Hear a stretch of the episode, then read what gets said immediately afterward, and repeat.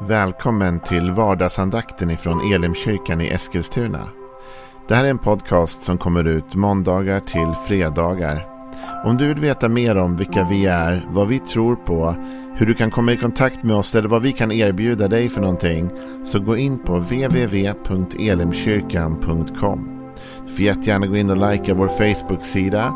Det är facebook.com elimeskilstuna. Eller så söker du upp oss på YouTube och då söker du på Elimkyrkan Eskilstuna. Vi vill jättegärna komma i kontakt med dig.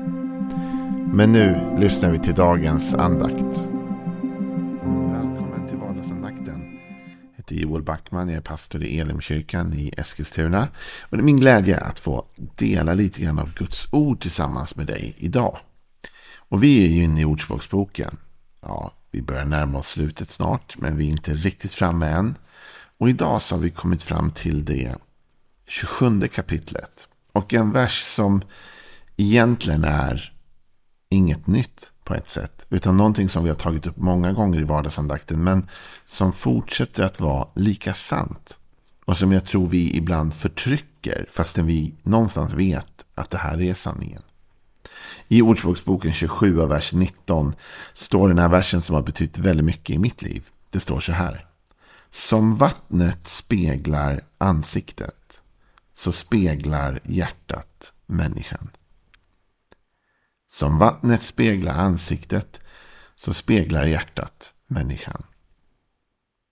Om man tänker på det en stund, vad innebär det egentligen? Jo, men vattnet speglar ansiktet. Har du någon gång liksom tittat ner på vattnet? Om det är stilla liksom. Stilla sjöbädd eller vattenbädd av något slag. Och du tittar ner där. Och så ser du då ditt ansikte speglas tillbaka. Eller hur? Det blir en spegelbild av dig. Och du ser ditt ansikte klart och tydligt i vattnet. På samma sätt säger Ordspråksbokens författare. Att på samma sätt som vattnet återspeglar bilden av ditt ansikte så återspeglar ditt liv ditt hjärta. Med andra ord, det liv du har kommer ur ditt inre, ur ditt hjärta. Så hjärtat är det som formar så mycket av dem vi är. Vet du, jag kom att inse det vid ett tillfälle när jag tänkte lite grann på det här med min optimism. För jag är en väldigt optimistisk människa ja, det är klart att jag blir nedstämd och trött som alla andra. Och det är klart att jag tappar orken och det där som, som alla andra människor. Men förhållandevis positiv människa. Lite överjobbigt positiv ibland. Vet du, den positiviteten trodde jag under många år berodde på att jag, ja, min, min uppväxt, min sociala kontext som jag kommer ifrån, möjligtvis genetik man hade med sig av sina föräldrar eller vad det kan ha varit. Och det är nog sant att alla de där områdena spelar in. Jag tror att min uppväxtmiljö har påverkat mig. Jag tror att alla de här sakerna har haft en inverkan. Och kanske är det så att jag är född med någon form av liksom inställning som gör mig mer positiv. Men jag insåg efter ett tag att det var inte bara de bitarna. Utan den kanske mest avgörande faktorn för den positivitet jag bär med mig är min tro det är att jag är övertygad om att Gud är med mig. Du vet, om du har den övertygelsen att om Gud är för mig, vem kan då vara emot mig som Paulus säger?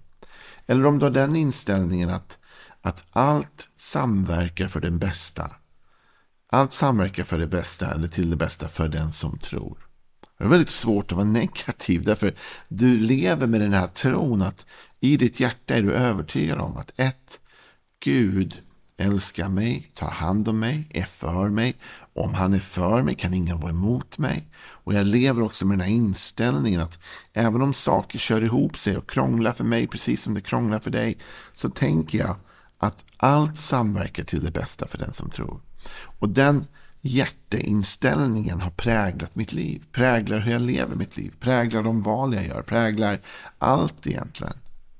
Här talas det om att på samma sätt som en vatten, eh, vattenbild liksom kan återspegla. När du tittar ner där så ser du ditt ansikte. På samma sätt så återspeglar vårt liv det som finns i vårt hjärta.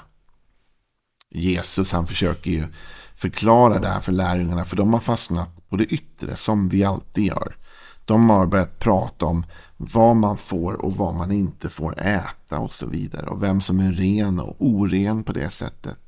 Och Jesus försöker förklara för dem att ni har fått allt det här om bakfoten. Det är inte främst vad som kommer till er utifrån. Utan det är vad som kommer inifrån. Så här säger Jesus i Markus 7. Jesus kallade till sig folket igen och sa Lyssna på mig allihop och förstå. Inget som går in i människan utifrån kan göra henne oren. Det är det som kommer ut ur människan som gör henne oren. När han hade lämnat folket och kommit inomhus frågade hans lärjungar om liknelsen och han svarade dem så ni förstår inte heller. Inser ni inte att inget som kommer in i människan utifrån kan göra henne oren? Eftersom det inte går in i hennes hjärta utan ner i magen och ut på avträdet. Och därmed förklarade han all mat ren. Och han fortsatte. Det är det som kommer ut ur människan som gör henne oren. Inifrån, från människornas hjärtan, kommer de onda tankarna. Sexuell omoral, stöld, mord, äktenskapsbrott, girighet, ondska, svek, orgier, avund, hädelse, högmod och dårskap. Allt detta onda kommer inifrån och gör människan oren. Jesus talar om att det är inte maten ni käkar, det är inte det som gör om du är en oren människa eller inte. Du kan käka vad du vill för det du äter, säger Jesus. Det går ner i magen och sen går ut. Det, det landar inte i ditt hjärta. Men det är det som kommer i ditt hjärta som är verkligt avgörande. Därför ditt hjärta är det som kommer prägla ditt liv, kommer forma ditt liv. Och Jesus säger då att det är ju inifrån hjärtat som sexuell omoral, stöld, mord, äktenskapsbrott, girighet, ondska, svek och allt detta andra. Det är därifrån det kommer. Kanske du tänker så här att liksom, problemet med äktenskapsbrott är att någon har sex med någon annan då än den den är gift med. Ja, det är ju själva, liksom, det är det som händer, det är själva symptomet. Men det är inte problemet. Problemet är att någon har ett trasigt hjärta. Att någonstans har någons hjärta blivit för lätt. Det där är den yttre handlingen och det är ju det som är riktigt illa, självklart. Jag förstår det. Men poängen är att det kom någonstans ifrån.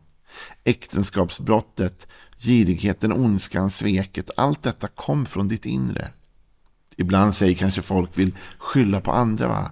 Jag var otrogen med någon men det var för att den flörtade med mig. Ja, men om ditt hjärta hade mått bra hade du inte svarat på det. Om ditt hjärta hade varit helt och läkt så hade du inte gjort alla de här dumma omoraliska sakerna. Stöld, mord, allt annat. Det kommer inifrån. Det är mitt hjärta som styr detta. Därför är det så viktigt vad du och jag inte matar vår kropp kropp med, men vad vi matar vårt hjärta med. Vilka tankar, vilka bilder, vilka saker vi låter gå in och verkligen fastna i vårt inre. Därifrån sen präglas vårt liv. Så om du präglas av goda tankar, om du präglas av tankar att om Gud är för mig, vem kan vara emot mig? Om du präglas av tankar att allt samverkar till den bästa för den som älskar Gud. Då kommer det komma ut ur ditt hjärta en positivism. Och den positivismen kommer påverka de val du gör och det liv du lever. Men om du har andra tankar i ditt hjärta. Om du tänker att det går alltid åt skogen. och det tycks som att Gud aldrig hör min bön. Och det tycks som att ditten datten och det är det du låter gro i ditt hjärta. Så kommer det också prägla ditt liv. Då kommer du gå med en negativism som också kommer leda till en massa beslut. Den positivt lagda kanske vågar ta en chans. Därför han vet om Gud, eller hon vet om Gud är för mig kan ingen vara emot mig. Men den som lever med fruktan i sitt hjärta kommer kanske inte våga ta några chanser. Utan är negativ och tänker det funkar aldrig, det är lika bra att jag inte ens försöker. På det här sättet så präglar vårt inre vårt liv. De tankar vi har inombords kommer att ge sig uttryck i hela vårt liv. Det är därför Jesus säger att om en man ser på en kvinna med åtrå så har han redan brutit hennes äktenskap. Och det har han ju de facto inte gjort än så länge. va. Men Jesus, det Jesus säger är att om de tankarna finns i hjärtat, om det är det som närs inombords, så är det bara en tidsfråga innan det kommer manifestera sig i den personens liv. De tankarna, om de göds, kommer leda till handling. Och den handlingen blir ju sen det vi bedöms utifrån allt för ofta. Vet du, i Matteus sjätte kapitel så fortsätter också att talas om detta. Vi ska läsa tillsammans från Matteus kapitel. I Matteus 6 säger Jesus så här ifrån vers 19. Samla inte skatter här på jorden där mal och mask förstör och tjuvar bryter sig in och stjäl. Samla skatter i himmelen där varken mal eller mask förstör och inga tjuvar bryter sig in och stjäl. Ty där din skatt är, där kommer också ditt hjärta att vara. Här talar Jesus om att vi kan spåra vårt hjärta. Hur kan vi spåra vårt hjärta? Genom att spåra vår skatt. Jag tycker det här är lite intressant. Jag vet att jag har sagt det i någon predikan någon gång, men om du skulle få se mitt bankutdrag, liksom, du skulle få se mitt kontoutdrag och vad jag lägger pengar på, så skulle du förstå ganska mycket om vem jag är och vad som är viktigt för mig. Du kanske skulle se att en del av mina pengar går på olika tv-abonnemang som har sport. Och så kanske du skulle förstå att i Joels hjärta så finns ett sportintresse, speciellt fotboll, därför det är det han lägger pengar på. Eller så kanske du skulle se att, och nu hittar jag bara på här, att någon viss typ av restaurang äter jag på hela tiden och du skulle förstå att det där är den typen av mat som Joel gillar. Och så vidare. Du kan se utifrån var jag lägger mina pengar vad som är viktigt för mig. Du kan se om jag köper mycket grejer åt mina barn så förstår du att barnen har en stor plats i mitt liv och så vidare.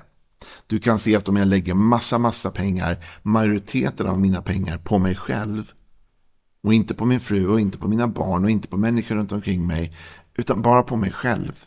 Då kan du se att mitt hjärta är väldigt självfokuserat. Hjärtat avslöjar mig hela tiden.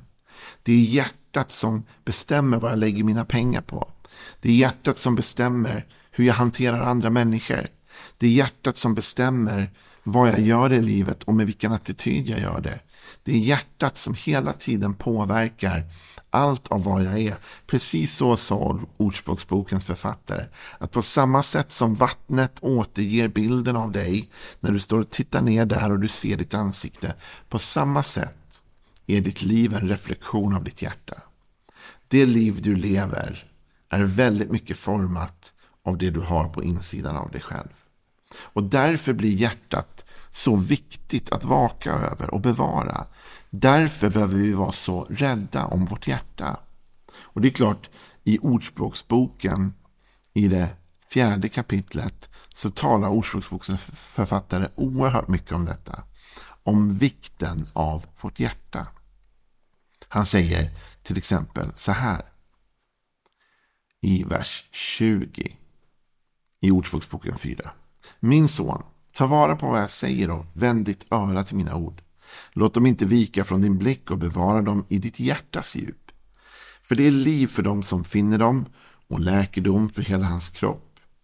Mer än allt som ska bevaras, bevara ditt hjärta, för därifrån utgår livet. Här säger Ordspråksbokens författare att mer än allt, alltså viktigare än allt annat att bevara, är att bevara hjärtat. Och varför är det så viktigt? För därifrån utgår livet.